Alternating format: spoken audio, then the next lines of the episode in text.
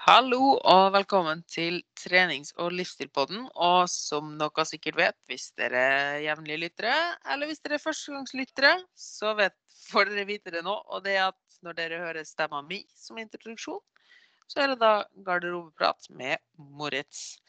Um, I dagens episode så har jeg med meg en veldig spennende gjest som jeg tror faktisk ikke sier det hver gang. Ja, uansett. Det stemmer jo for så vidt også. Hvis ikke så hadde vi ikke hatt dem som gjester. Men dagens gjest, det er Taron. Um, resten kan han nesten si sjøl, tenker jeg. Og med det sier jeg egentlig bare hallo, Taron. Hallo, hallo, Moritz. Hvem er du? Hva gjør du her? eh, ja, jeg er jo en eh, kar fra Bergen, da, som har rota meg bort i Trøndelag de siste fem åra. Mm. Eh, jobber som PT-ansvarlig på et treningssenter som heter for eh, Care treningssenter eh, her i Nord-Trøndelag. Og i tillegg så driver jeg eh, mitt eget firma innenfor online coaching som heter for Flexible Living. da.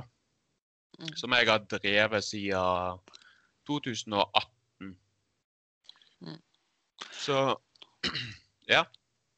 Ja. øh, og den stillinga du har fått på Care, den er vel ganske ny, sånn som jeg har forstått det?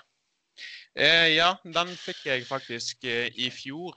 Eh, da vi begynte å selge en del på når det kommer til PT-timer. Og så valgte vi å ansette en som PT-ansvarlig, og det ble jo heldigvis meg, da. Så, da var det jeg som fikk den stillinga ganske fortløpende. Ja. Det handler vel om litt mer enn bare tilfeldighet, kan jeg tenke meg. Ja, altså for å røpe litt, da, så har jeg vært bassende PT på senteret de siste fire årene eh, på Mm. rad. Så jeg tror nok eh, de har tenkt seg godt om før de har valgt meg som PT-ansvarlig. Ja, det er som regel sånn at ting eh, Jeg pleier å si at ting skjer ikke bare Eller ting ordner seg ikke bare. Det er ikke sånn at ting bare Det er veldig sjelden at ting bare detter fra himmelen. Ja, det er nok eh, sant det du sier. Det skjer sikkert, eller har sikkert ikke skjedd ved en tilfeldighet. Og det var litt av grunnen til at jeg ville ha det med her i dag. Fordi du har jo Ikke bare er du vært en av de mestselgende PT-ene på eh, care-sentrene, men du har jo også jeg vil si ganske mye utdanning på skuldrene til tross for en ganske ung alder. Ja, altså ung alder. Jeg har faktisk bursdag neste søndag. Eh, og da blir jeg, blir jeg hele 28 år. Det er jo ganske ungt, da. For eh, når det kommer til utdanninga, så har jeg eh, nettopp fullført min mastergrad i idrettsvitenskap. Mm. Eh, hvor jeg bygger den eh, gjennom bacheloren min, da, som jeg har i idrettsfag. Mm. Eh, så ble det idrettsvitenskap når jeg kom til master. da. Hva var det du skrev masteroppgaven din i, bare av ren og skjær interesse? Eh, den handler om motiv for trening eh, på treningssenteret. Altså hvorfor, hva som er motivasjonen og motiver bak trening på treningssenteret. Mm. Det er vel høyst aktuelt for lyt lytterne våre i dag, kan jeg tenke meg. I hvert fall litt av det. Ja, det, det var noe spennende funn der, eh, for å si det sånn. Det var litt eh, spredning med tanke på hvem som var opptatt av utseendet i forhold til det jeg trodde var det vi fant ut. da. Ja, det har jeg litt lyst til å touche inn på straks. Ja. Eh, jeg tenkte bare før vi tar det, bare Du sa også at du hadde grunnlagt eh, Flexible Living. Mhm. Så ikke bare har du en master, ikke bare er du en av de mestselgende PT-ene i Trønd ja, si, i Nord-Trøndelag, vil jeg faktisk si. Men du har da også grunnlagt ditt eget firma også.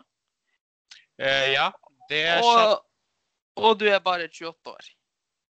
Jeg er bare 28 år, eh, vet du, men det er jo det de sier. Du, du, du må følge drømmene og gjøre det du har lyst til, vet du. Så ting skjer ikke ved en tilfeldighet, som du sa heller. Så jeg syns det var litt morsomt hvordan du at Jeg syns det er så morsomt eh, at du starta å si Altså at du ikke nevnte noe av dette her, at du måtte jo nesten fysisk dra det ut av det. Det sier jo litt om det som person, da, tror jeg. At du er veldig down to earth, som det heter så fint. Ja, jeg eh, er vel kjent blant min vennegjeng og innenfor eh, kretsen da, at jeg er litt dårlig på å skryte av meg sjøl, kan du si. Og så er jeg veldig flink på å skryte av folk, men jeg er veldig dårlig på å ta imot eh, skryt sjøl, da. Ja, du ser den. Det er jo på godt og vondt det er jo en veldig god egenskap på en måte, men det kan kanskje bli en byrde iblant. At du føler at du ikke får til eh, eh, Du ser kanskje ikke hvor mye du oppnår. Eh, Det er nettopp det. Jeg, eh, som de sier, hvis du føler at du på en måte er utlærd, eller at du har nådd det du har drømt om in, i noen år, da, så vil du kanskje ikke grinde etter nye mål og nye satsinger og jobbe deg framover, da. Mm. Så det er vel noe av grunnen til at jeg aldri sier meg 100 fornøyd, da. Mm. Og det er jo en god egenskap å alltid fortsette litt. Har du alltid vært sånn?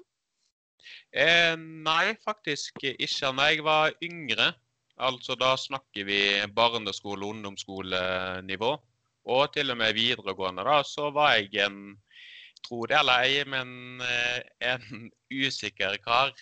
Eh, da både sosialt messig og ja, generelt når det kommer til språk, da, som du kanskje har fått med deg, så er jo ikke jeg eh, norsk.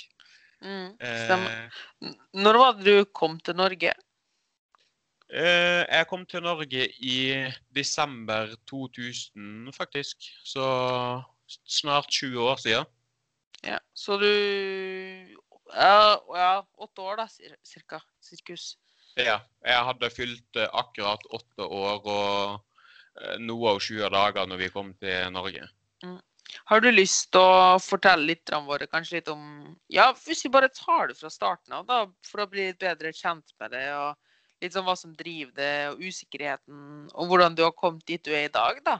Hvis du bare hadde tatt en sånn kjapp historie av hvor du kommer fra, eh, hvordan oppveksten din var, og veien videre. Ja. Eh, ja, som jeg sa innledningsvis, eh, så kom jeg til Norge i år 2000. Mm. Da kom jeg og mamma og resten av søsknene mine som FN-flyktninger fra Afghanistan. Hvor da pappa hadde tatt eh, den vanskelige reisen for oss, da. For å gjøre prosessen litt kortere, så begynte jeg rett på skole, altså i siste semesteret på, i tredjeklassen. begynte rett og slett å tilegne meg eh, språket fort, for jeg eh, får høre at jeg har et godt øre til språk og egentlig dialekter, så jeg er litt dialektforvirra, men det kan vi ta litt eh, seinere. Og så begynte jeg vel eh, ja, i det som heter for eh, norsk 2-opplæring, da. Mm. Det er for minoritetsspråklige, de som ikke kan eh, norsk, det norske språket ordentlig først, til å bli undervist i ordinære klasser. da. Ja. Helt frem til jeg kom til niende klasse. Eh, da bestemte jeg meg for at nå vil jeg prøve nå vil jeg prøve å gjøre det som de i klassen min gjør, da. Altså klassekameratene. Mm. Eh, jeg hadde en hendelse som eh, Eller hendelse og hendelse, men eh, det var en første semesteret av 9. klassen. Da uansett hvor mange prøver jeg hadde, og hvor mange tentamen jeg hadde, så var det sånn alltid karakter tre eller karakter fire. Det var liksom aldri noe høyere enn det, da, så det var veldig demotiverende for min del. ja, det skjønner jeg. Og så sa jeg bare til læreren min at eh, vet du hva, nå har jeg eh, lyst til å ta tentamen på uh, ordinær vis, da, altså sammen med de resterende i klassen min. Altså de såkalte nordmennene som tok vanlig tentamen. Mm. Eh, så da prøvde jeg meg der, og plutselig så gikk jeg opp to karakterer. så fikk jeg Å? fem i norsk, eh, skriftlig og muntlig, og da What? Ja, det var, det var sånn Det var akkurat min reaksjoner. Altså, hva er det som skjer nå? Hva har jeg fått til? Ja, har du noe svar på det, da? Nei, det var vel eh, mer det at i den norsk 2-undervisninga så var vi veldig opptatt av grammatikk. Ja. Mens i den ordinære klassen så var det mer det å gå etter litteratur og eh, rett og slett eh, ta- fagene og så få en prøve gjennom de kapitlene som du har hatt da i klassen. Kanskje mer forståelse og mer praktisk anvendelse i stedet for bare daugpugging? Ja, det, det ble jo det. Det var jo Det ble jo veldig mye pugging i den norsk 2-klassen, for alt var sånn Du må huske at den bøyning er sann, og så er eh, eh, Så det var veldig mye pugging i den norsk 2-klassen, da. Mm. Det er jo egentlig litt sjukt rart og litt fascinerende, egentlig. da, For det er jo noe sånn jeg også ser um, Ser veldig mye når det kommer til kosthold og trening. Bare for å ta den litt sånn ved siden av, for de kom på noe litt sånn tangent. Mm. Og det er jo dette her med at man bør lære Det hjelper ikke å liksom nipugge et konsept eller noe sånt. Det vil sjelden funke, da. Men med en gang du forstår tanken bak og liksom får det eierskapet bak, da, så går det som regel mye bedre. Når du, forstår, når du liksom bruker det praktisk da, og liksom ser hvorfor du skal gjøre noe, i stedet for å bare gjøre det for å gjøre det. Ja, det stemmer, stemmer ganske bra. Det er jeg en veldig praktisk eh, anlagt kar, da. Så jeg har Mm. aldri likt det som heter for teori da, på skolen. Ja. Men eh, jeg har nå valgt et, eh, en, en eh, livsstil der jeg må stille meg bak teorier nå. ja. Det, men det er en fin kombinasjon, da. Man er ikke bare å lese i skolebøkene. Nei, heldigvis. Heldigvis ikke. Og det er jo det som driver, driver både meg og de eh, andre, vil jeg tro. da. At det er noe nytt som skjer hele tida. Det er noe nytt som kommer ut. Det er ting som blir oppdatert. Og du må holde deg oppdatert for i det hele tatt klare å følge, følge strømmen. da. Absolutt.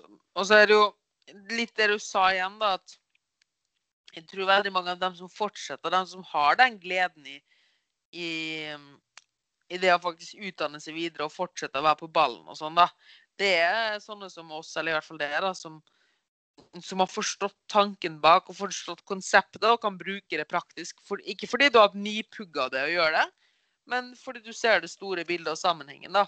Og da er det så mye mer morsomt å lære nye ting. Eh, Og jeg tror det er mye av problemet til hvorfor folk aldri klarer å holde på f.eks. trening og nye treningsvaner, nye kostholdsvaner. For de bare gjør det for å gjøre det, eh, men ikke liksom skjønner De klarer ikke å se hvordan de kan implementere det i hverdagen sin. da. Mm. Kontra det at når, når du leser en studie, f.eks. Sånn, å, shit, men hvis de gjør sånn og sånn og sånn og sånn Og så får du med en gang eierskapet til det. Du klarer å flette det inn i ditt liv og få et forhold til det igjen. Ja, det, det er helt sant. Og det å liksom forstå teorien bak det du gjør i praksis, det vil jeg si er alfa og omega, da.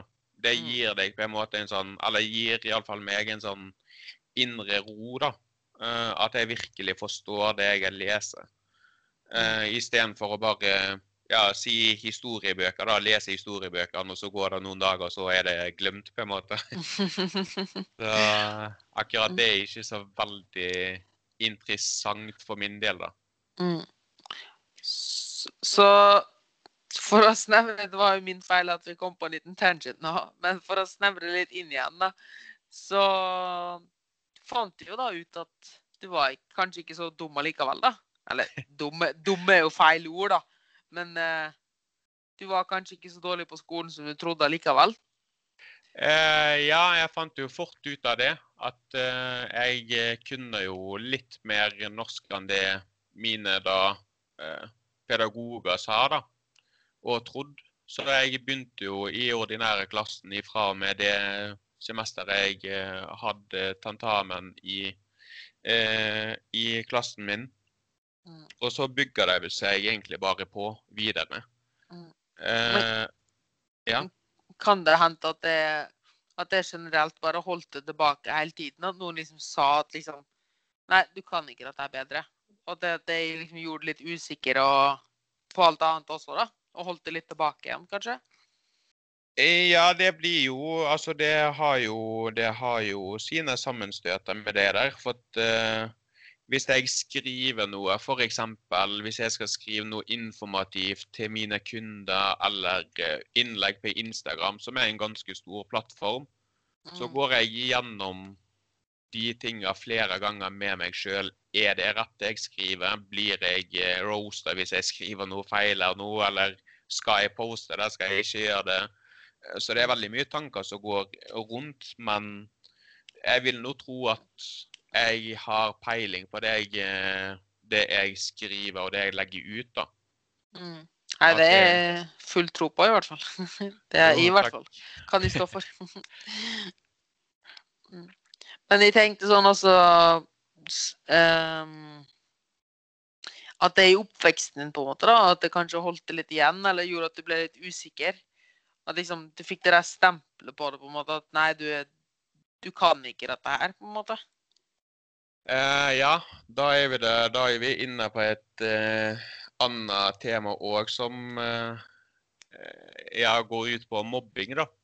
Ja.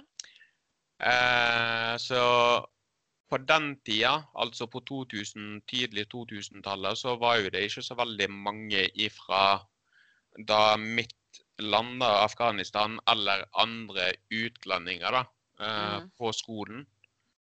Så det endte jo opp med at jeg rett og slett eh, ble mobba. Eh, fordi at jeg sa kanskje enkelte ord litt annerledes, eller eh, snakka på en litt rar måte når det kom til uttalelser osv. Og, og det satte jo en usikkerhet eh, for eh, videre satsing, eller tørre å stå fram, da. Tørre å stå for det du mener, og stå for det du skal gjøre da i framtida òg, vil jeg tro. Ja, absolutt. Det, jeg kan godt tenke meg at eh, altså allerede fortsatt når jeg gikk på skolen, så det er jo ikke så mange år siden, så var det jo fortsatt mye, mye større del av rasisme og utlenderhets. Eller ikke hets, kanskje, det er kanskje et hardt ord, men ja, i hvert fall rasisme. Ja, altså eh, per nå, da, for å bare Sånn at, eh, sånn at lytterne ikke tenker at det er kun, kun den ene sida, for å si det sånn. Det finnes mange Ja, ja, mobbere innenfor, innenfor eh, da eh, min side ut av kloden, og her, altså som bor i Norge, da. Mm. Så det, det går nok begge veier, og det, det finnes jo den dag i dag. Det Ja, ja, finnes jo absolutt, absolutt. Dessverre så gjør det det. Men eh, blei Så da gikk du da i 9.-10. klasse, og ting begynte å bli litt lysere for lille Taron? Ja, ting begynte å bli lysere for uh, lille Taron. Så du sa jeg ble jo introdusert for treningssenteret første videregående, første andre videregående.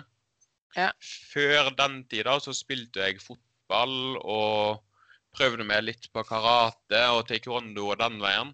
Men uh, det var liksom ikke min idrett, da.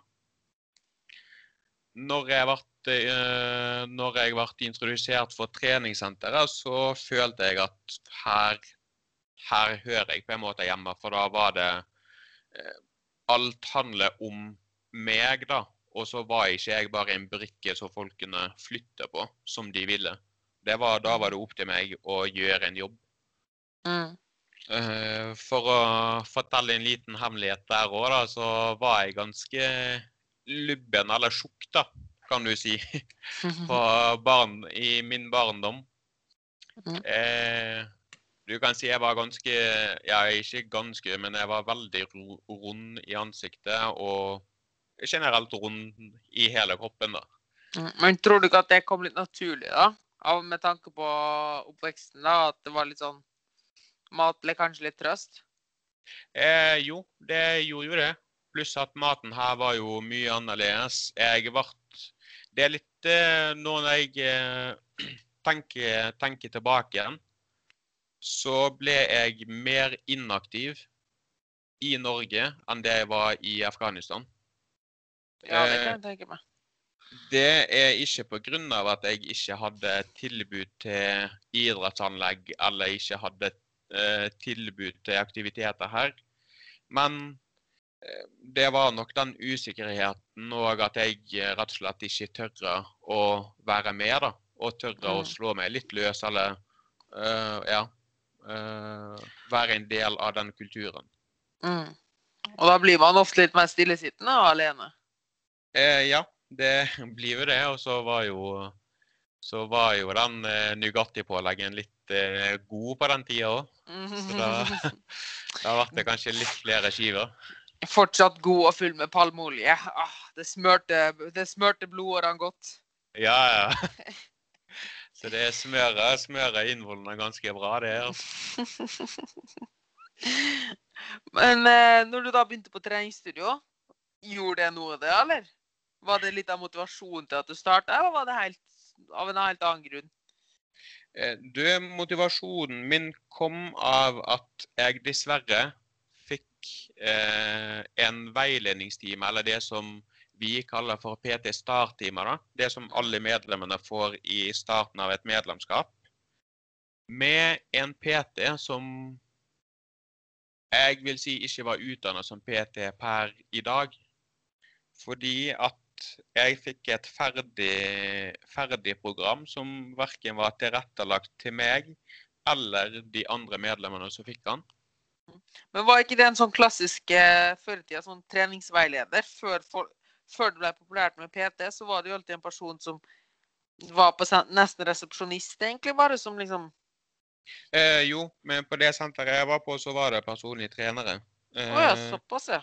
Ja. Og da fikk jeg et program av vedkommende, da. Uh, uten å nevne hvilket senter eller hvem, hvem personlig treneren var. Mm. Eh, og da, noen dager etterpå, så ser jeg at Olga på 90 år eh, kommer inn og melder seg på. Og hun får nøyaktig det samme som meg. Og da tenkte jeg at eh, OK, nå er det på tide å sette seg ned eh, på google.com og begynne å søke litt sjøl. Mener du at ikke det kan være at Olga var sykt sprek, og du var bare litt lebben? Nei da. ja, det kan, det kan jo være det òg, men eh, det bare føltes ikke helt eh, rett, da. Ka- Kanskje det var litt ekstra gnist bare Å, faen! Er det Mm. der jeg ligger? På det nivået? Ja, det, det kan jo være at det var det, den motivasjonsboosten jeg trengte. Og det var da du begynte å få opp gnisten da, for uh, generell trening? Eh, ja, da begynte jeg å leke litt med tanken på hvordan jeg skulle lage treningsprogrammer, og hvordan jeg, eh, hvordan jeg ville trene sjøl, da. Mm. Og det syns jeg var veldig artig. Eh, jeg var rimelig svak da når jeg begynte å trene, som eh, potensielt sett alle sammen er når de først starter og er helt nybegynnere. Mm. Eh, for å si det sånn, da, så var maksen min i benkpress etter noen måneder 40 kilo. Og Ja. den er noen kilo mer i dag, da, for å, for å sammenligne. Eh, så da ble det sånn at jeg begynte å programmere litt og kjørte på med litt eh, forskjellige typer programmer som du gjerne fant på nettet eller bodybuilding.com, eller du fikk av en kompis eller en på treningssenteret. Mm. Har du noen eh, morsomme historier der, eller? Jeg kan forestille meg at spesielt på den tida så var det jo mye T-Nation og slike ting. Ja, så for å si det sånn, da. Det var veldig mye T-Nation, bodybuilding.com, eh, tre forskjellige treningsforumer som gikk eh, om og om igjen. Og da var det folk som hadde funnet et program som kanskje hadde funka for han som la det ut. Og det var liksom Det var the shit. Det var Da, da skulle du bli stor. Men de visste jo ingenting om de bakenforliggende faktorene som vedkommende da òg fulgte. Som Ja. eh, Med tanke på Ja. Har du noen morsomme ting du ser tilbake til nå da, i den perioden Har du tenkt sånn Hva i svarte var det du gjorde der? Du, da må jeg eh, rett og slett ta opp eh, det med kosttilskudd, da. Ja, det er nok sikkert flere som har vært borti den. Eh, ja, for jeg òg var jo en av de eh, smarte guttene på den tida som trodde at eh, proteinpulver og så mye piller som du bare kunne stappe i deg, det var det som skulle til. Alt ifra fatburn og eh, Ja, hva annet var det jeg tok da? Det var fatburn, proteinpulver. Kreatin er jo for så vidt greit. Og masse sånne andre eh, tilskudd som jeg ikke kommer når når jeg kommer på navnet på nå. Når jeg ser tilbake på det nå, så tenker jeg eh, dæven, jeg kunne jo kjøpt meg eh, sikkert eh, kjøpt meg hus et halvt år tidligere. Så jeg hadde spart alle pengene. Det var såpass, ja. Ja, altså det, det, var ikke, det var ikke en dag det ikke gikk eh, hvor det ikke var en shake i hånda og noen piller attåt. Helst også stå opp midt på natta for å ta den der shaken for å unngå det anabolsk, eh, katabolske vinduet. Ja, ja, det metabolske vinduet var jo veldig Det katabolske vinduet var jo veldig viktig å holde på, spesielt få i seg kaseinproteiner i løpet av natta. Ja, Hvis Det ikke var- så ser du nesten musklene allerede forsvinne. Ja, da, da bare renner de av. Da, når du er på do dagen etterpå, så er, det, er du ferdig. Mm. Hvor lenge holdt du på slik, da? Når var det du begynte å gå fra T-Nation og bodybuilding.com til litt mer Hva skal vi si? Litt mer øh, ordentlig ting? Ja, det begynte jo Altså, jeg holdt jo på sånn fra første videregående til og med tredje videregående. Og så uh, for jeg inn i militæret i ett år, for jeg fikk ikke noe lærlingsplass. Og etter det så, eh, så tok jeg en bachelor i idrettsfag, og da begynte ting å skje Ja. da begynte jeg å skjønne litt mer i forhold til det med treningsprinsippene og hvordan du skal trene og hva du må gjøre for å i det hele tatt få litt resultater, da. Ja. Og hva var grunnen til at du valgte å bestemme, Hvorfor bestemte du deg for å ta bachelor i idrettsvitenskap? Eller treningsvitenskap? Eh, bachelor i idrett, det kom av at eh, jeg, eh, eh, jeg, jeg Når jeg begynte på treningssenteret da, og så den PT-tilværelsen, Mm. så eh, hadde jeg faktisk en litt morsom historie. Jeg hadde ei venninne som jeg snakka med når jeg var sånn 14-15. Mm. Og så spurte vi hverandre om ja, hva har du lyst til å bli når du blir stor, liksom. Og da var svaret mitt at eh, du vet hva, drømmen min er å bli personlig trener. Å, såpass? Ja, det var for hun nevnte til meg eh, i fjor faktisk, når jeg ble eh, PT-ansvarlig. Da snakka vi og hadde en liten sånn catch-up-samtale. og da sa hun til meg du, husker du at vi snakka, snakka om hva vi hadde lyst til å bli, og så sa du at du har lyst til å bli personlig trener. Og da har du faen meg blitt det òg. Det er jo sjukt. Ja, det, det var, den hadde jeg faktisk eh, helt glemt. Så det var litt artig å bli minnet på igjen. Men det er også litt spennende med tanke på at som 14-15-åring, da er jo folk flest sånn Nei, jeg skal bli astronaut. Nei, jeg skal bli kokk. Nei, jeg skal bli pilot. Ja, altså i, i utenlandske miljøer da, så er det sånn eh, Ja, gutten min, du skal bli lege når du blir stor. Mm. Og den veien så dem, Det gikk jo ikke helt etter planen. da. Så det gjorde vi ikke det. Men eh, det var, det var veldig Til og med jeg ble overraska sjøl at jeg på den tida hadde bestemt meg for at det er dette her jeg har lyst til å drive med. da. Ja, det virker jo Det viser jo at du er ganske målbest... Eller bevis... Mål... Hva heter det? Mål... Målbevisst. Mål, målbevisst, ja. Målretta, er det? Målbevisst, Ja. målretta. Ja. Men det er kult, da. Det. Jeg tror ikke det er mange på den alderen som tenker jeg skal bli PT. Du Nei, men lite visste jeg om hvordan PT-jobben var, og hva, hva det egentlig går ut på òg. Men jeg er utrolig glad for at jeg eh, eh, faktisk har blitt det og har tørre å satse. Det, Mm. det er jeg. Ja, for jeg tror det er noe der at um, Og det har jeg merka litt sjøl. Du, har- du har jo vært i bransjen mye, mye lenger enn det jeg har vært. Mm. Men realiteten er at flesteparten av PT-er slutter jo under et år. Altså de holder på med det et år, og så fortsetter de med noe annet. Mm. Dessverre så er jo det slik at det er jo ikke en lukrativ jobb hvis du ikke Mm. har kundemasse, så har du dessverre ikke noe kapital, da, kan du si. Mm. Og jeg tror det er litt om det vi snakka om tidligere, og litt, og litt der refleksjonen vi hadde med han, han som du hadde som PT, eller som ikke var PT, da, men som ga deg det programmet i første hånd. da. At de Mm. ikke skaper den eierskapen til jobben sin, men tenker ah, se her, ja, lettjente penger. Vi må jo bare kaste ut noen programmer og slike ting. Mm. Um, problemet er jo at folk er jo ikke dumme. Og PT er jo så mye mer enn bare kaste ut et program eller kaste ut noen tall og slike ting.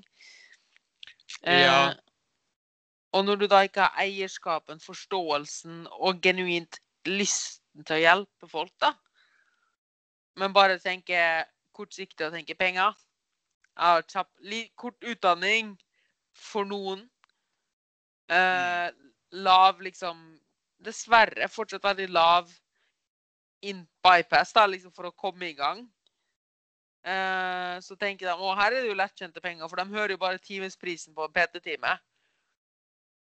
Ja, selvfølgelig. Bare noen sånn enkelte tips hvis vi har noen lyttere som er personlige trenere eller vil bli det, da. Eh, ikke glem å være medmenneske. Mm. Det er Altså, du, du kan Du kan være verdens beste PT og verdens høyeste utdanna kar eller kvinne, men hvis du ikke har den medmenneskelige biten inn i eh, Eller med deg som PT, da har du dessverre tapt, vil jeg si. Mm. Yes. Og bare, det er bare å tenke sånn eh, rent enkelt og greit. Bare alt det vi gjør, det kan jo alle personene finne på nett. Det er jo ikke noe hemmelighet. Nei, selvfølgelig ikke. Altså, Så hvem som helst Ja. du betaler jo for Du betaler ikke for informasjon Eller informasjon er jo bare en kjempeliten pakke av det, men det er jo det menneskelige og liksom det å tilpasse det til individet. Og liksom det å føle seg ivaretatt, da, det er jo det de betaler for. Ja, selvfølgelig. Det er jo, altså Jeg kan dra inn mange historier der som hvor jeg har fått kunder som har rett og slett grenet til meg på telefon og sagt at vet du hva, du har gjort noe for oss som ingen har gjort på 10-15-20 år. Og da snakker jeg gjerne om eh, kunder som er litt eh, oppe i alderen. da. Eh, så det er en utrolig givende jobb hvis du bare gir litt av deg sjøl. Og ja, igjen den eh, medmenneskelige biten, da. Det er helt fantastisk å høre det. At eh, du har vært med å endre så mange folk sitt liv.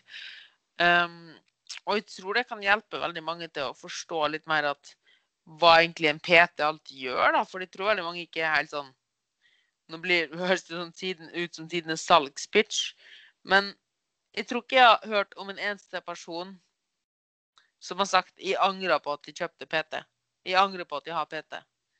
Mm. Med mindre de hadde en sånn opplevelse som du hadde i starten. Og det er jo trist hvis det gjør at man unngår å gjøre det igjen, da. Ja, som du sa i stad òg, så kan jo det være at vedkommende som hjalp meg på den tida, da, ikke var utdannet PT. Mm. Og det kan jo være at det finnes mange der ute som har på seg PT-skjorta, men som ikke er utdannet, eller som ikke har noe kunnskap i det hele tatt. Eller, som ikke, eller som ikke gjør det av den riktige intensjonen. Ja, selvfølgelig. Det er jo, det er jo kanskje den største, eller viktigste faktoren. Mm. Eh, og da blir det litt vanskelig. Mm. Det er nettopp det. Og det, det høres litt sånn kynisk ut og sånne ting, da. Men det er derfor jeg tror at man bør være litt forsiktig med å kjøpe sånn der kjøp, Eller prøve å få oppfølging av noen sånne superkjendiser og slike ting. og sånne ting, Fordi det ser du igjen og igjen, at liksom enkeltindivid på Instagram og sånn eh, promoterer for at de har ah, Jeg har hjulpet 8000 folk, jeg har hjulpet 10 000 folk.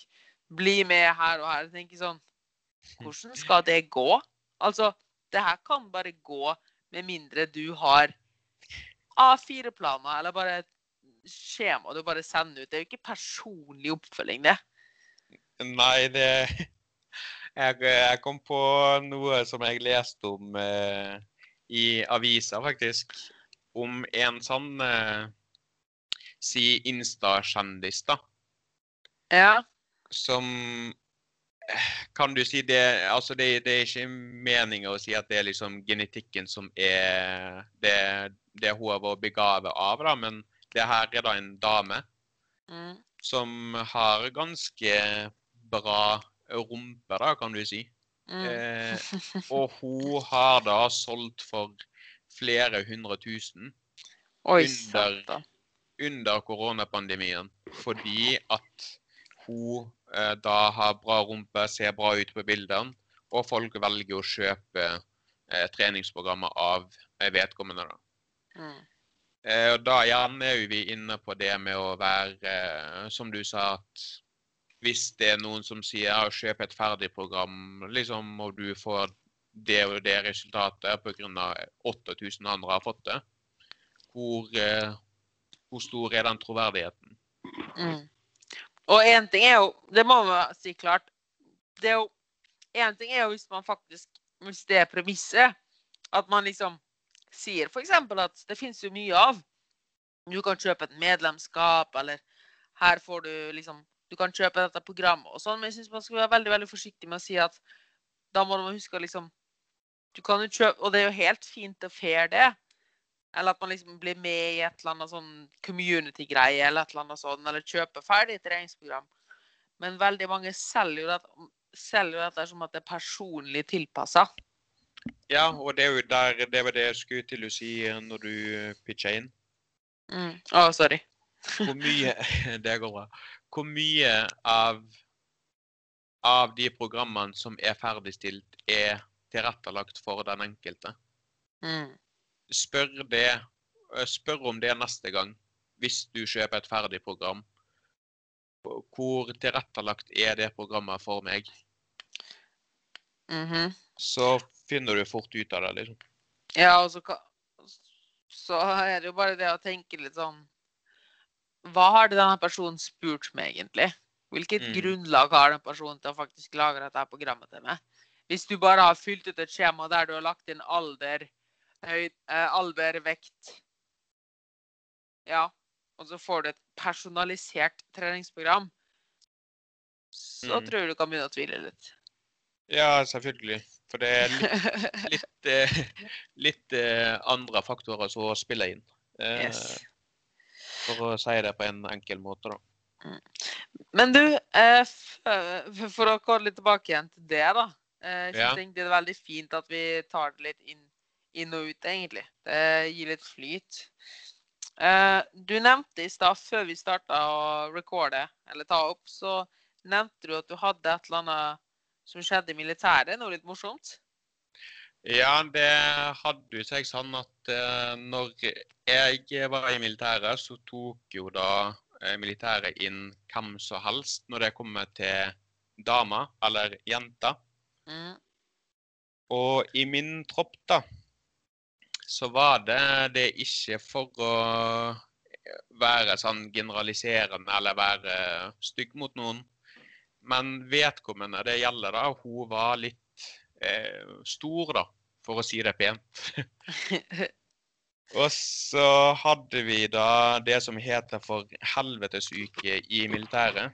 Det er fullt av gjørmeløyper til eh, krigsføring osv. Så, videre, og så, videre, da. så det er rett og slett en helvetes uke, da. Eh, da kom vi til en dag hvor vi skulle ha gjørmeløype gjennom noe elver og gjørmer og tønner og så. Så er jeg så uheldig at jeg løper foran eh, hun jenta. La oss si at hun heter for Kari, da. Eh, jeg løper foran Kari. Etter sånn 200-300 meter så bare roper Kari ut at nei, for faen, det her gidder jeg ikke. Og da står liksom offiseren og skriker og skyter med løsskudd, sånn rødfis som det heter, da. Og kaster Kaster noen granater her og der og liksom lager litt show, da, kan du si. Mm. Og så begynner de å se at jeg eh, drar, eller laget mitt drar lengre og lengre ifra hun jenta. Og så bare sier han ene offiseren, peker på beina hennes, så pang! Hun er skutt i foten. Og så sier han da rekruttnummeret mitt. Eh, du, den du har ansvaret for vedkommende. Så jeg bare OK, hva skal jeg gjøre? Liksom jeg bare Nei, det er krigssoner, så du må få, du må få lagkameraten din ut. Uff. Ja. Så, så hun veide jo kanskje en 10-20 kilo mer enn meg, da. Og da sa jeg til at eh, vet du hva, det er vann, så jeg kommer til å gjøre jobben lettere for meg så jeg ikke blir straffa, eller laget ikke blir straffa noe mer. Så det du gjør, at du setter armene dine i kragen foran, så du ikke blir kvelt. Så litt frekt, men eh, det måtte gjøres akkurat der og da. Adrenalinen var på topp, og jeg var sliten som bare pokkeren og hele pakka. Så da tok jeg tak i kragen hennes bak og begynte å løpe med henne. For jeg, ba, jeg, ga beskjed om at hun bare skulle sitte i vannet. da. Hun satt i vannet, og da hjelper jo vannet meg. Når jeg driver framover, så flyter jo hun lettere. Mm. Eh, og så kom vi til sånne hinder der det var muligheter for å enten løfte henne over eller under. Altså dynke henne i vann, da. Du kan jo gjette hva jeg gjorde. Å, stakkars. Så jeg sa jo da rett og slett at eh, du holder pusten for hver gang jeg har en sånn mulighet. For at jeg kan ikke bære deg over alle, alle hindrene. Så jeg prøvde eh, på første hinderet, bære henne over, men eh, det gikk ikke. Så da bare sa jeg hold pusten, og så dynka jo ned, i, ned, og ned og under, da. Så ble det dynka for hver en sjanse jeg hadde. Eh, og når vi kom tilbake, eller når vi kom i mål, da, så er det tatt bilde på målstreken i en eh, Du kan si slutten av elva som var ca. en meter, halvannen høy. da. Så bare mm. ser du at jeg slipper taket på kragen, og så bare detter jeg bakover i en sånn typisk eh, Hvis du husker tilbake til vi var små, eller ja, kanskje i fjor for din del, men når du legger deg ned i snøen og lager sånn engler på den måten. Hva mener du med i fjor? Fortsatt? ja, altså, ja, ja, ja, i fjor, ja. ja. Sist gang la snø. ja. Og så bare la jeg meg flat og i vannet. Bare kasta meg bak, liksom i lufta. Og så ser man offiseren borte med en bare Ja, var det tungt? Eller har, har, du det bra, eller noe sånt, sa han. Så sier jeg ja, ja. Eh, jeg svarte liksom ordentlig på, på militært vis. Og så kom han etterpå og sa han, du, jeg, jeg så at det der var litt tungt, men uh, jeg orka ikke at laget mitt skulle, eller dere skulle tape og gi meg et dårlig rykte, så da, da ble du offeret mitt. så jeg bare ja, ja, OK. Da, det får nå gå. Ja, ja. Men hørte du noe fra henne seinere, eller? Eh, hun ble jo med videre på samme besetninger som meg da, i fregatten. Mm. Så vi, vi var ganske gode venner og hadde veldig god kontakt i militæret, egentlig. Så det var jo ikke noe sure miner. Det var bare helt jævlig der og da, men morsomt å snakke eller se tilbake på det nå, da. Så jeg kunne, kunne godt gjort det om igjen, for å si det sånn. Ja, men det er veldig bra. Det har vært gøy å se hvor hun er i dag, da. Ja, det hadde hun øh, Hun Jeg har dessverre ikke kontakt med henne i dag, eh, faktisk. Kanskje det er noe du kan gjøre? Se hvor hun er hen? Hvor langt hun Ja. har kommet? Det, det kan jeg absolutt gjøre, vet du. Det er veldig gøy. Men det var litt av en opplevelse, ja. Ja, det, det var det. For øh, det militæret er noe jeg har lyst til å oppleve igjen, da, kan du si. Ja, det kan jeg tenke meg. Det bygde nok det, jeg kan tenke meg at det bygger utrolig med karakter. Utrolig. Og det er så disiplin innpå der at uh, hvis uh, istedenfor høyskole for noen av lytterne våre Nei, folkehøyskole. Hvis noen av lytterne vurderer det, dra i militæret. Det er verdt, det er verdt tida. Jeg har egentlig bare hørt godt fra militæret. Ja. Men det finnes nok sikkert alltid noen unntak, men sånn er det jo bare. Ja, altså det er jo Altså jeg skal ikke, jeg skal ikke sitte her og si at militæret var en dans på rosa. Det er ikke det. Du lærer å bli kjent Du lærer å kjenne deg sjøl på en helt annen måte, da. Mm. Du, du får virkelig pressa grensene dine, og du får virkelig komme ut av komfortsona og øh, få testa deg, da, rett og slett, innenfor veldig mye. Ja, og det tror jeg er det én ting som er mangelvare på akkurat nå. Um, og det tør jeg å si fordi vi begge har hatt en ganske tøff oppvekst. Så er det at folk ha, får Det høres litt sånn macho ut, eller litt sånn teit ut, men jeg mener det helt ærlig. Folk får det for lett for tiden. Eller, Eh, ja, eller de, enig. de, aha, det er en grunn til at du blir mer og mer overvektig, at karakterene blir dårligere. Eller, nå vet jeg ikke det, da, men generelt så har jeg inntrykk av at kravene til folk blir lavere og lavere og lavere. Fordi folk aldri de, de skjønner ikke hvilket enormt potensial de faktisk har, da. Ja, men der vil jeg kaste en stein bort på eh, skal jeg si, teknologien vår, da. Mm. Eh, den, er jo, altså, den er jo utrolig bra, og utviklinga har jo vært enorm. Mm. Men bare tenk etter. Jeg vet ikke om du har noen onkelunger? Eh, nei. Nei. Jeg har eh, en del Eh. onkelunger. Eller jo, da, Og- du mener søskenbarn? Ja. ja, det har jeg. jeg måtte bare tenke litt. ja. Du kan jo bare tenke på hvordan den ungen Eller hva ungen gjør i løpet av dagen. da. Det er kanskje han eller hun er kanskje litt aktiv i løpet av dagen, og så plutselig sitter med en telefon i hånda. Mm. Eller foran TV-en. Hadde vi den muligheten når vi var små? Nope.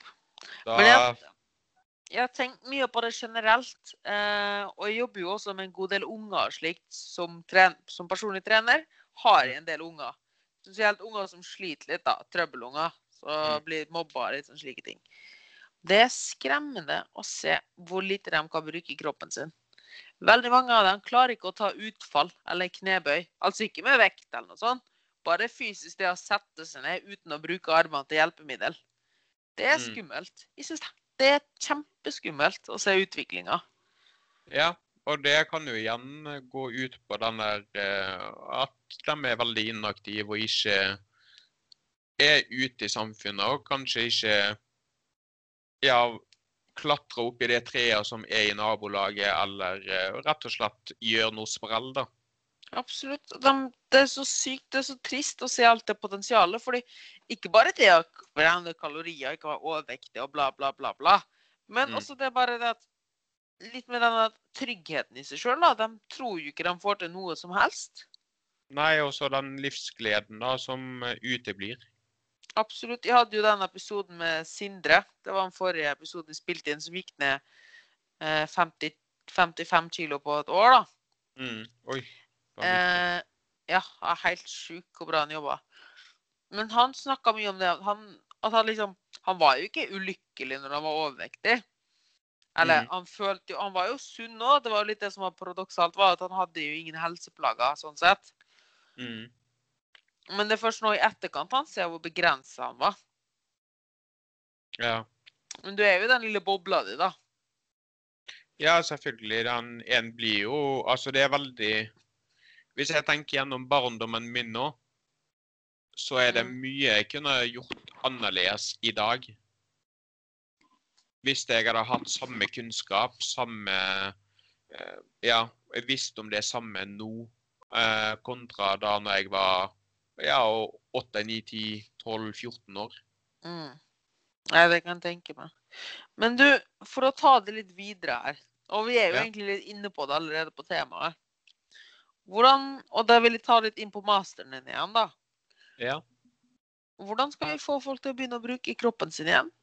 For det er jo sånn akkurat nå at teknologien gjør Det har aldri vært enklere å spi, få tak i mat, og det har aldri vært enklere å bevege seg mindre. Mm. Hva, hvordan skal vi takle dette her? Håndtere dette her? Hva kan folk gjøre? Det jeg tror, da, det er at veldig mange glemmer det som heter for lek og moro. Ja. Eh, med det mener ikke jeg at ja, du skal komme og liksom spille PlayStation og den veien, men det å implementere barndomsleker, kanskje ta opp igjen, eh, ta opp igjen en aktivitet som de har hatt tidligere i livet, som de syns var artig, og implementere det i da eh, eh, en treningsform for dem. Ja, fordi det, det, var, det var egentlig ganske morsomt. Det har jeg faktisk ikke tenkt så mye på. Men alle tenker at ah, jeg, skal begynne, ok, jeg skal begynne å trene, jeg skal komme i form. Jeg må, jeg må på treningsstudio. Mm. Jeg er sånn, Hæ, nei? Altså, jeg husker før, jeg husker når jeg spilte fotball som ungdom, Mm. så måtte vi alltid dele banen vår med oldboys. Ja. Trimmen deres var at de spilte fotball sammen, og så hadde de kanskje litt styrkesirkel eller et eller annet på slutten. Ja, altså bare, bare det, da. Eh, Bare det med f.eks. hvis du har en gjeng som er glad i ballsport. Har du en fotballbane ved siden av, hvorfor ikke gå eh, og spille litt fotball, da? Hvordan faktisk får få løp etter en ball, og så glemmer de at oi, du, nå skal jeg, nå skal jeg egentlig springe fire ganger fire på mølla. Men de Mm. glemmer det, og så plutselig så har de vært aktiv alt alltid fra 10 minutter til 20 minutter til halvtime, time mer enn det de egentlig gjør på treningsstudio. Ja, fordi folk tror alt skal være så, må være så jævla seriøst og nøye gjennomtenkt. Og hvis ikke, så har du ikke effekt. Mm, selvfølgelig. Alt må, jo, alt må jo du skrive ned, og gjerne film for å ha bevis for at du har gjort Ja. det. Ja, fordi det ser jo ikke kult ut på Instagram hvis du sier at du gikk ut i, i en litt sliten joggebukse og spilte fotball med naboene. Mm. Ja, men det, det er faktisk noe alle, deriblant meg sjøl, bør bli enda flinkere på. Gå ut og ha det litt eh, artig med vennegjengen din, og rett og slett bare eh, Det å gå seg en tur, da. Hvis du Sånn som du sa, kanskje du skal eh, ta, oss og, og ta kontakt med henne i militæret igjen. Hadde, hadde hun f.eks. bodd her i Nord-Trøndelag, da, så hadde jo kanskje en gåtur vært en eh, fin idé. Da får hun aktivisert deg, og jeg samtidig.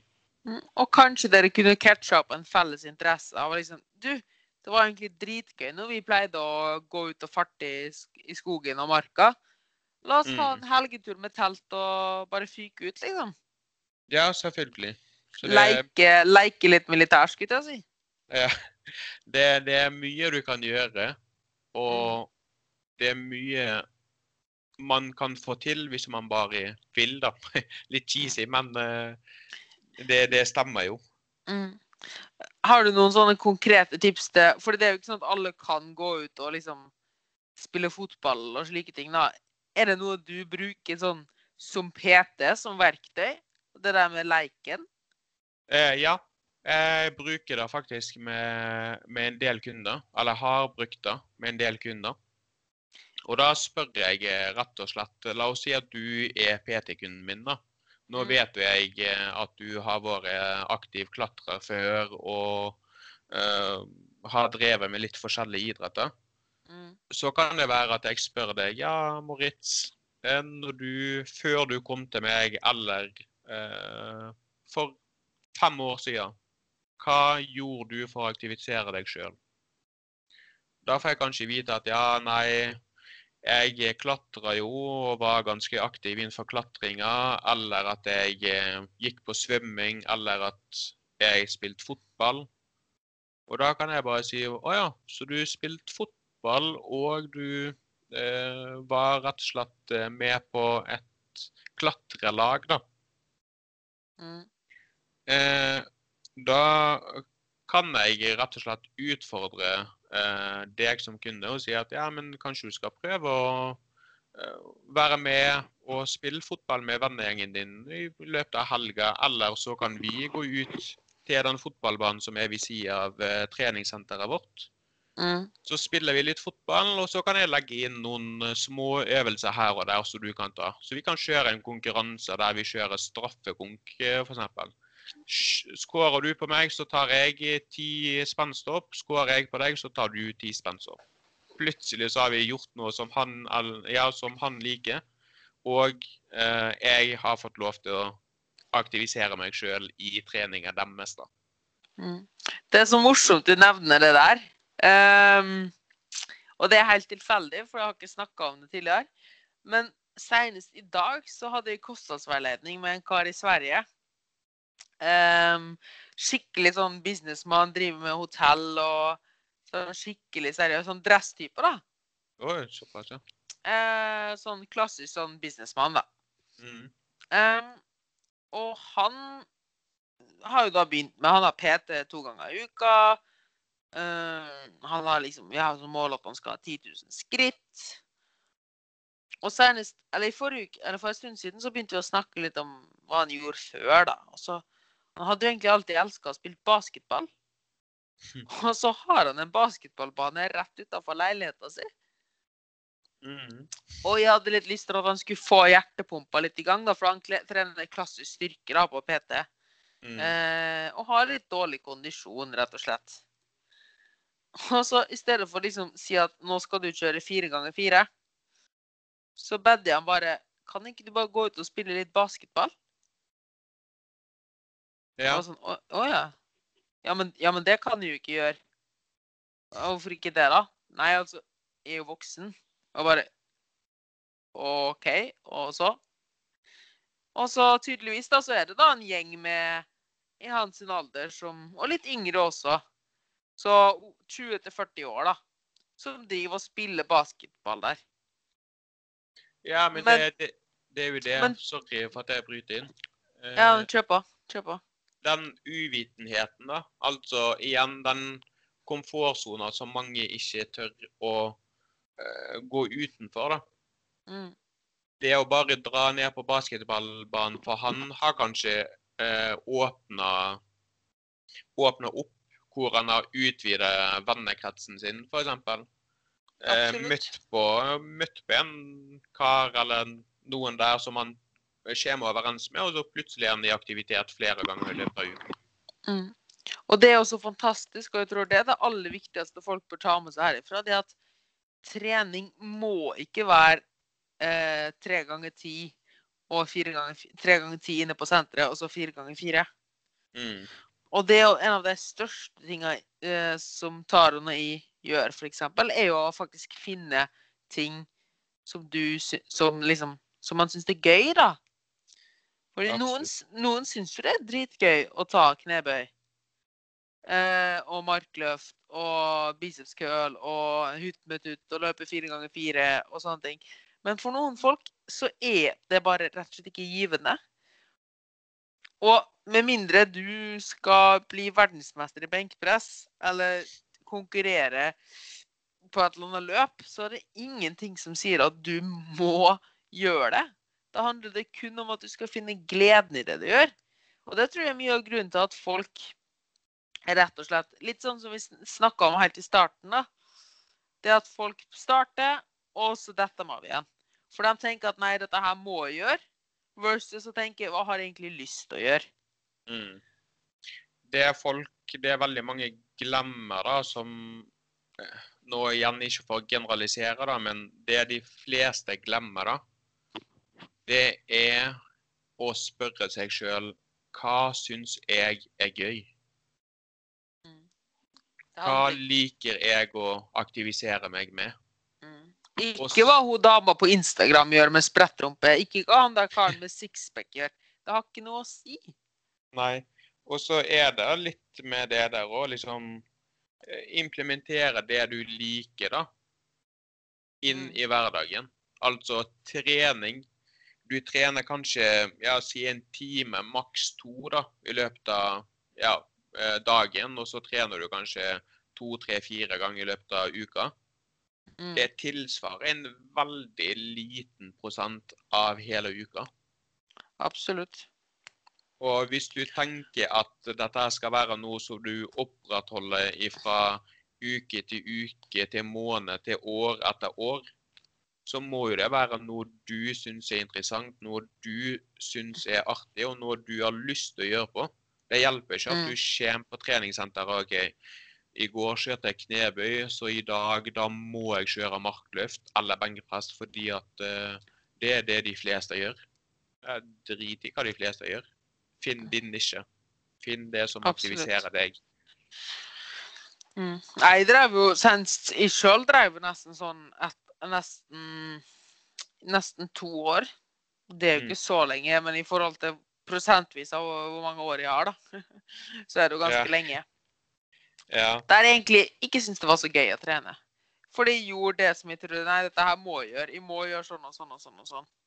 Så bare tok jeg meg sjøl og tenkte Ja, men Moritz, du kommer aldri til å bli øh, liksom god best i en idrett eller noe som helst. Du gjør dette her utelukkende for helsa, fordi du syns Altså, ja, for så vidt også for å brenne kalorier, da. og for å bli sterkere. Og må det da virkelig være det mest effektive? Men at du bare sliter og kaver den, må det være det, det, det som studier sier er det beste og optimale? Nei, det må jo ikke det. Mm. Ja, altså det som studien òg sier, da, at uh, fire ganger fire er det beste du kan gjøre med tanke på hjertet, da. Mm. Hvis du gjør det, da. Uh, ja, hvis du gjør det, selvfølgelig. Og så er jo det litt uh, i forhold til hvem er du som kunde, eller som person, da. Hvor er du, og hva får du til? Det er ikke Mm. alle som klarer å springe fire ganger fire hvis det er eh, noe av eh, noe av det første aktivitetene de eh, på en måte blir introdusert til. da. Jeg Mm. sjøl deriblant ja, jeg kan, kanskje, ikke, kanskje ikke så bra å si det, men jeg hater fire ganger fire. Ja. Men jeg springer den av og til fordi at jeg er nødt til å kjenne på den følelsen.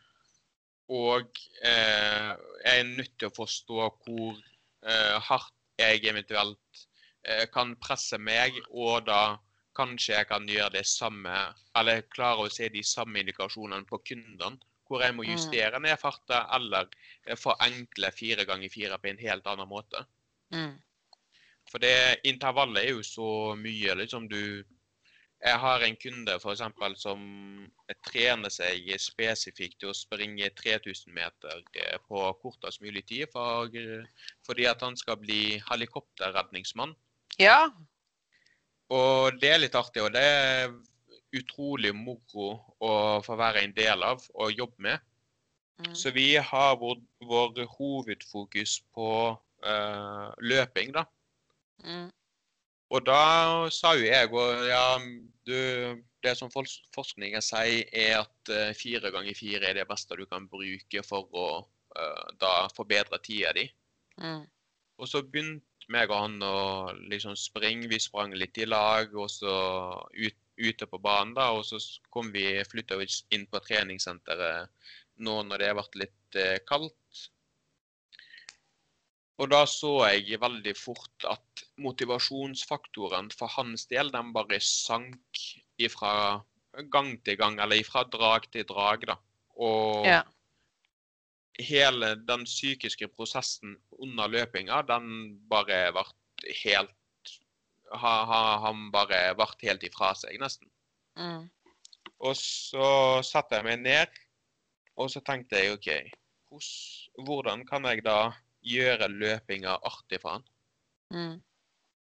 Og da kom jeg på det med fartslek, f.eks. Ja. Fartslek eh, kan jo være så mye at du løper f.eks. har en type tabbatøykt på mølla, eller løper eh, 5, 4, 3, 2, 1, og så bygger du opp igjen med en pyramide, da. Med et visst eh, halvtom halvtid pause. da. Så hvis du løper i fem minutter, så har du to og et halvt minutt pause, osv. Mm. Og det lysna. Det lysna for hans del, da. Og så når vi sprang litt sånn eh, Når vi trente litt sånn fartsleker fra uke til uke, så spurte jeg du, vi skal ikke prøve fire ganger fire igjen. Jo jo, kjør på. Men da sa jeg istedenfor å springe fire minutter på, to minutter av, eller ett minutt av, så springer vi tre minutter på og to minutter av. Ja. Og så fikk jeg faktisk spørsmål av han, men det blir jo ikke riktig. Eh, jo, men bare la, oss, bare la oss prøve det, så ser vi. Og så gjennomførte han. Eh, da gjennomførte han vel eh, seks drag. Fire ganger fire. og Totalt eh, jobb, jobbmengden blir jo 16 minutter. Mm. Han gjennomførte eh, seks drag på tre minutter. Mm. Så han sprang praktisk talt eh, to minutter ekstra. Mm. Eh, og da når jeg sa det til han, du, du sprang jo egentlig Egentlig sprang du 18 minutter istedenfor eh, 16. Da ble han bare Oi, ja, det var en litt annen vri på det. Og så neste gang så forkorter vi pausen igjen, og så leker vi oss bare med de dragene eller måten vi har, eh, måten vi har utholdenhetstrening på. da. Mm. Eh, så igjen, det med lek utrolig viktig innenfor eh, trenings, treningslivet og treningsverden da. Ja, for det, det nytt, hele poenget her er jo at det nytter ikke å ha verdens beste treningsprogram eller verdens beste kosthold, med mindre du faktisk har ren og skjær lyst til å gjennomføre det, og faktisk brenner for å gjøre det, da. Mm. Fordi alle vet at eple er sunnere enn et kakestykke. Men hvis du bare Men hvis du hater kake Nei, hvis du hater eple, hva er vitsen å tvinge i seg eple da? Ja, selvfølgelig. Eller hva er vitsen med å vente til lørdag hvis du craver is eh, på en mandag? Ja, ikke sant? Det er akkurat som at det, Dette her er alt konsept vi har skapt i hodet vårt. Det er Mm. ikke noe som er rett eller galt. Det, det som er rett og galt, er det du sjøl finner som passer det. Og her er det mye av rollen til meg og Taron kommer inn, er jo å hjelpe folk å faktisk bli flinkere til å lytte til seg sjøl. Og- Absolutt. Og det var litt det vi snakka om også, med at hvordan i huleste skal det gå an å ha 8000 kunder, liksom? Eller hjelpe 8000 folk og skreddersy programmene deres. Det går ikke. Fordi For at jeg skal kunne hjelpe en person best mulig, så må jeg vite mest mulig om han. Jeg må snakke mye med han, jeg må forstå den kunden. Og det er ikke nok timer på et år til at jeg skal gjøre det med 8000 stykk samtidig. Mm. Det, det er nok eh, helt sant. Det, det dem Vi har jo et uh, slogan i treningsverdenen nå som er 'less is more'. Mhm. Altså mindre er bedre. Eller mindre er mer, da. mm. eh, som igjen eh, kan implementeres med det budskapet som vi prøver å få ut nå, at du må ikke trene hver dag. Tren to ganger i løpet av uka, men hold det gående. Mm. Heller, Og brenn, brenn Ja. for det. Brenn Ja. for det, og liksom ha lyst til å gjøre det. ja, og heller øk da mengden eller eh, lengden skal jeg si, på treninga når du sjøl er klar for det. Det hjelper ikke at jeg Si sånn som deg, Moritz. Jeg følger jo litt med på Instagrammen din nå. Mm. Du er jo utrolig glad i den assault-biken din. Mm. Hvis, eh, hvis jeg plutselig skulle Eller hvis vi hadde fått en assault-bike nå på Care treningssenter, da, ja. Så kan ikke jeg sette meg på den og kjøre akkurat samme program som deg. Du er åtte år yngre enn meg, men du er jo en helt annen person enn meg. Du har trent på assaultbike ganske lenge. Du er veldig utholdende i forhold til meg. Så jeg Mm. kan jo ikke forvente å gjennomføre det samme, eller gjøre nøyaktig det samme som du gjør. Nei, ikke sant? Og det er jo litt det samme som at hvis For å sette det enda mer på spissen, for å vise hvor tåpelig dette her faktisk er, da, og liksom det å se noen på Instagram som gjør et eller annet, og tenke OK, så hvis de, vi må gjøre akkurat det samme Det blir sånn La oss si da Vi snakka litt om benkpressen i sted. Mm. Og vi ser OK, Taron har et ganske stor brystkasse. OK, greit nok. Jeg har lyst til å få samme brystkasse. OK, hvordan er det Taron trener nå? OK, han tar La oss bare ta noen random tall. OK, han tar 100 i benk. 100 ganger 5. Og så tar han Mm. fem serier. OK, da får jeg gjøre det samme, da.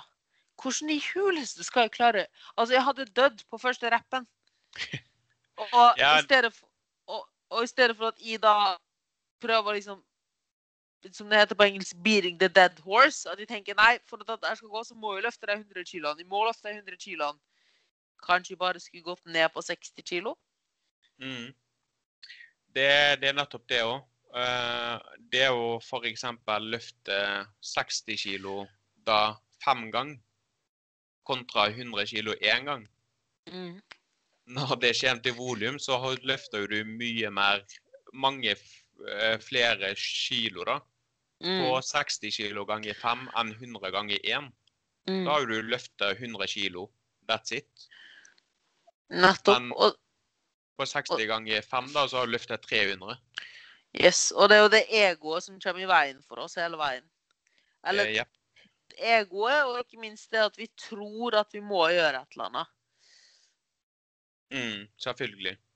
Og så er jeg alltid den der Ja, men han eller hun er jo litt bedre, så jeg kan jo gjøre som, som den personen, og da blir jeg kanskje nesten like god, da. Mm. Så igjen, det som du sa òg, det handler om tilrettelegging og rett og slett gå litt inn i seg sjøl og kaste vekk det der eh, ego, egoet, da. Mm. Og finne ut hva som passer. Og en siste ting jeg vil ta opp litt før jeg har noen avsluttende spørsmål til deg, Taran, fordi vi begynner å bikke litt Snakke oss litt bort der. Um, og det er, sånn, det er viktig at folk forstår. Vi sier det ikke at du bare skal gå rundt og ha lek og moro og aldri pushe det sjøl, liksom bare tulle. Det sier vi ikke. Eh, men poenget vårt er at det er mye lettere å pushe seg sjøl. Og du må pushe deg sjøl om du vil ha fremgang. Men det er mye lettere å få til når, det du, gjør, når du faktisk trives med det du gjør. Og ikke minst når du faktisk forstår hvorfor du gjør det du gjør. Selvfølgelig. Det, det er jo det som er hovedbudskapet her, da. Mm. For hvis de, hvis de allerede hater fire ganger fire, og må bruke all viljestyrka mi bare for å gå på mølla, komme med på mølla Ikke faen om vi da har nok viljestyrke til å pushe meg hardt nok på fire ganger fire for å faktisk få det resultatet jeg forventer å få. Absolutt. Det, det er nettopp det.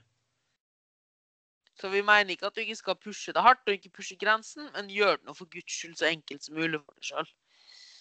Ja, altså det, det, er jo, det er jo ikke sånn at uh, selv om Ja, jeg bruker jo å si til mine online-kunder at eh, nå får du et opplegg av meg. Jeg lager aldri faste kostplaner, f.eks. Mm. du får et opplegg, eh, da trening og kostplan. Du er nødt til å gjennomføre, mens jeg kan være din veileder. Altså jeg Mm. kan være den som styrer litt for deg, da, og eh, gjerne tilrettelegge eh, når du ser med den ukes eh, at jeg vet hva, knebøy, vanlig knebøy var faktisk ikke en bra øvelse, eller fire ganger fire var faktisk ikke noe for meg. Kan jeg Mm. gjøre noe annet? Da er det min jobb å gi deg andre alternativ. Mm. Og det, der er jo begge veldig like, at ingen av oss gir ut kostplaner. fordi det, det er jo bare en enkel løsning. Det er jo det Mm. folk vil ha. Men det hjelper jo ikke noe som helst. Eh, nei, dessverre så, så er det ikke så enkelt det med å hjelpe folk eh, når det gjelder kosthold. Altså, hvor mange, hvor mange, hvor mange måneder kan du følge det samme kostplanet? Mm. Men, men det, er jo, det, det er jo sånn på trening også, da. Og jeg tror at mye av grunnen til at folk vil ha altså, ferdige treningsplanene, de vil ha de ferdige kostholdsplanene, er for da slipper de å faktisk tenke på det sjøl og faktisk få eierskap til det. Mm. Eh, og de slipper å legge inn en innsats sjøl. Men ja, eh, helt eh, enig der. Men igjen, da. Det som jeg sa litt innledningsvis, at legge vekk, legge vekk det der egoet om å ta de enkleste veiene. Mm. Gå litt inn i deg sjøl. Hvis du da f.eks. Ja, la oss si kosthold, da, nå når vi toucher temaet litt. Mm. Hvis du følger et eh, fleksibelt kosthold eller eh, en kosthold som ikke er fastsatt, tenk hvor mye du lærer. Mm. Tenk hvor mye du kan da potensielt sett lære ungene dine i framtida. Og med en gang der så får man det eierskapet til det, da. For man skjønner Å ja, men hvis. Å ja, men så jeg kan gjøre sånn ja, med ungene mine da etterpå. Ja, jeg kan lære dem det. Å ja, nå skjønte de dette her. Å ja, Mm. det var grunnen til at de alltid fikk diaré. Ikke sant? Det er også, ja, men det er også en ting at du skjønner hvordan ting du spiser, påvirker deg, da. Ja, selvfølgelig. Og så er det litt av, litt av eh, sånn bakenforliggende eh, skal jeg si, faktor her òg. At du da lærer deg å ikke holde deg til lørdagen for å spise den isen eller spise den sjokoladen eller spise den, det kakestykket. da. Mm. Du implementerer det i hverdagskosten din. Yes. Og det er det så fantastiske er jo dette her igjen, da. Når du da forstår konsept, forstår ting i stedet for å bare pugge ting. Det er jo litt Mm. det som er, det er litt morsomt at vi liksom får den full circle, da. Mm. At liksom Det å pugge bare ting og bare gjøre ting slavisk, det gir ikke resultat. Kanskje, ko- ka, kanskje kortsiktig, men ikke Ja. på sikt. Ja, ikke langsiktig, nei. Mm. Det, det er det ikke. Men du, Taron, helt til slutt så pleier jeg å stille gjestene mine et spørsmål som de er litt uforberedt på. Ja. Eh, For nå løp tida fra oss her i Og det er Hvis du hadde møtt deg sjøl Ja. for La oss si for 15 år siden, Mm. med den kunnskapen du har i dag, ja. hva hadde du sagt til deg sjøl? Eh, du, da hadde jeg sagt til meg sjøl eh, drit i å bruke penger på kosttilskudd. Det er det første. Det er det første jeg hadde sagt til meg sjøl. Det andre, det hadde vært vær litt mer kritisk. Vær litt kritisk til dem du spør, eh, spør om hjelp til, i alle fall når du betaler for en tjeneste. Eh, og så ville jeg nok eh, Ville jeg nok eh, kanskje toucha litt inn for kosthold, siden vi snakker om at jeg var ganske lubben. Og, og igjen implementert de punktene som vi gikk gjennom. Det med å aktivisere seg sjøl på enkle måter, da. Og jeg har vært gjennom akkurat det samme før, at jeg har tenkt for vanskelig. Mm. Det var Ja. Ja. Det var veldig fint. Jeg tror, eh, men jeg tror at du har lært ekstremt mye på veien din. Og du hadde ikke vært den du er i dag, og hvor du er i dag, uten alt det du lærte og tok med deg. Jo, takk for det. Det, det satte jeg pris på at andre mer- legger merke til, iallfall. Sånn, helt til slutt, hvis folk vil komme i kontakt med deg, ha oppfølging av det, og, eh, eller bare ha spørsmål generelt til det, hvor er det de kan finne deg? Du, jeg har jo både Instagram og nettsida. Eh, Mm. Instagrammen min er for coach.taron, og Mm. nettsida heter for flexibleliving.no. Mm. Der eh, finner du, finner du informasjon om telefonnummeret mitt, e-posten, og eh, du kan chatte direkte med meg via nettsida òg. Eh, Så det er bare å ta kontakt for de som har eh, enten vil slå av en prat innenfor trening og kosthold, eller potensielt sett har noen spesifikke spørsmål eller trenger oppfylling. da. Mm. Nei, jeg kan stå for det. stå for Taron. Altså, hvis dere vil ha noen som har god kompetanse og er virkelig medmenneskelig, så anbefaler jeg dere å sjekke ut Taron og ta en prat med han. Er, han er et utrolig godt menneske. Eh, alt Taron har sagt nå, det ligger også i shownotene. Så det, det alt dere trenger å vite, ligger også der. Altså det er under i episodebeskrivelsen.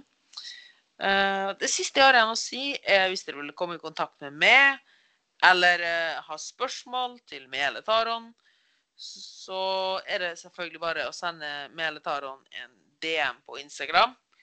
eh, eller e-post på moritz.ptservice.no, eller via Flexible Living til nettside for å komme i kontakt med Taron. Og det siste som vi står igjen å si da, er at hvis du likte denne episoden her, så setter vi utrolig stor pris på om du deler den på Instagram, gir oss en like på Nei, hva det heter Subscribe på Spotify eller iTunes, og alt det der. Gir oss en vurdering og bla, bla, bla. bla. Og hvis du liker å tagge oss på Instagram hvis du deler den. Og med det så skal du få siste ord, Taron. Jo, nei, det Jeg må nå skryte litt av det jeg går, da. Når eh, første gang jeg kom i kontakt med deg. Jeg ble litt eh, sjokka, må jeg si, at du var så ung og så kunnskapsrik innenfor feltet. At jeg har ikke angra fra dag én og til nå. Med at vi har kommet i kontakt med hverandre. Så det, det er utrolig utrolig moro å spare litt med deg av og til.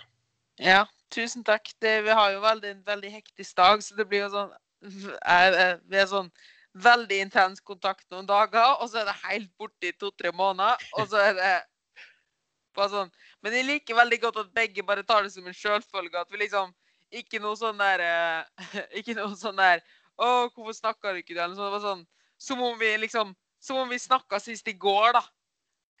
Ja, selvfølgelig. For jeg tror begge to forstår hvor eh, travel vi er i hverdagen. Yes. Det tror jeg. Så det er veldig gøy å ha noen sånne, ha noen sånne på laget. det er det, vet du.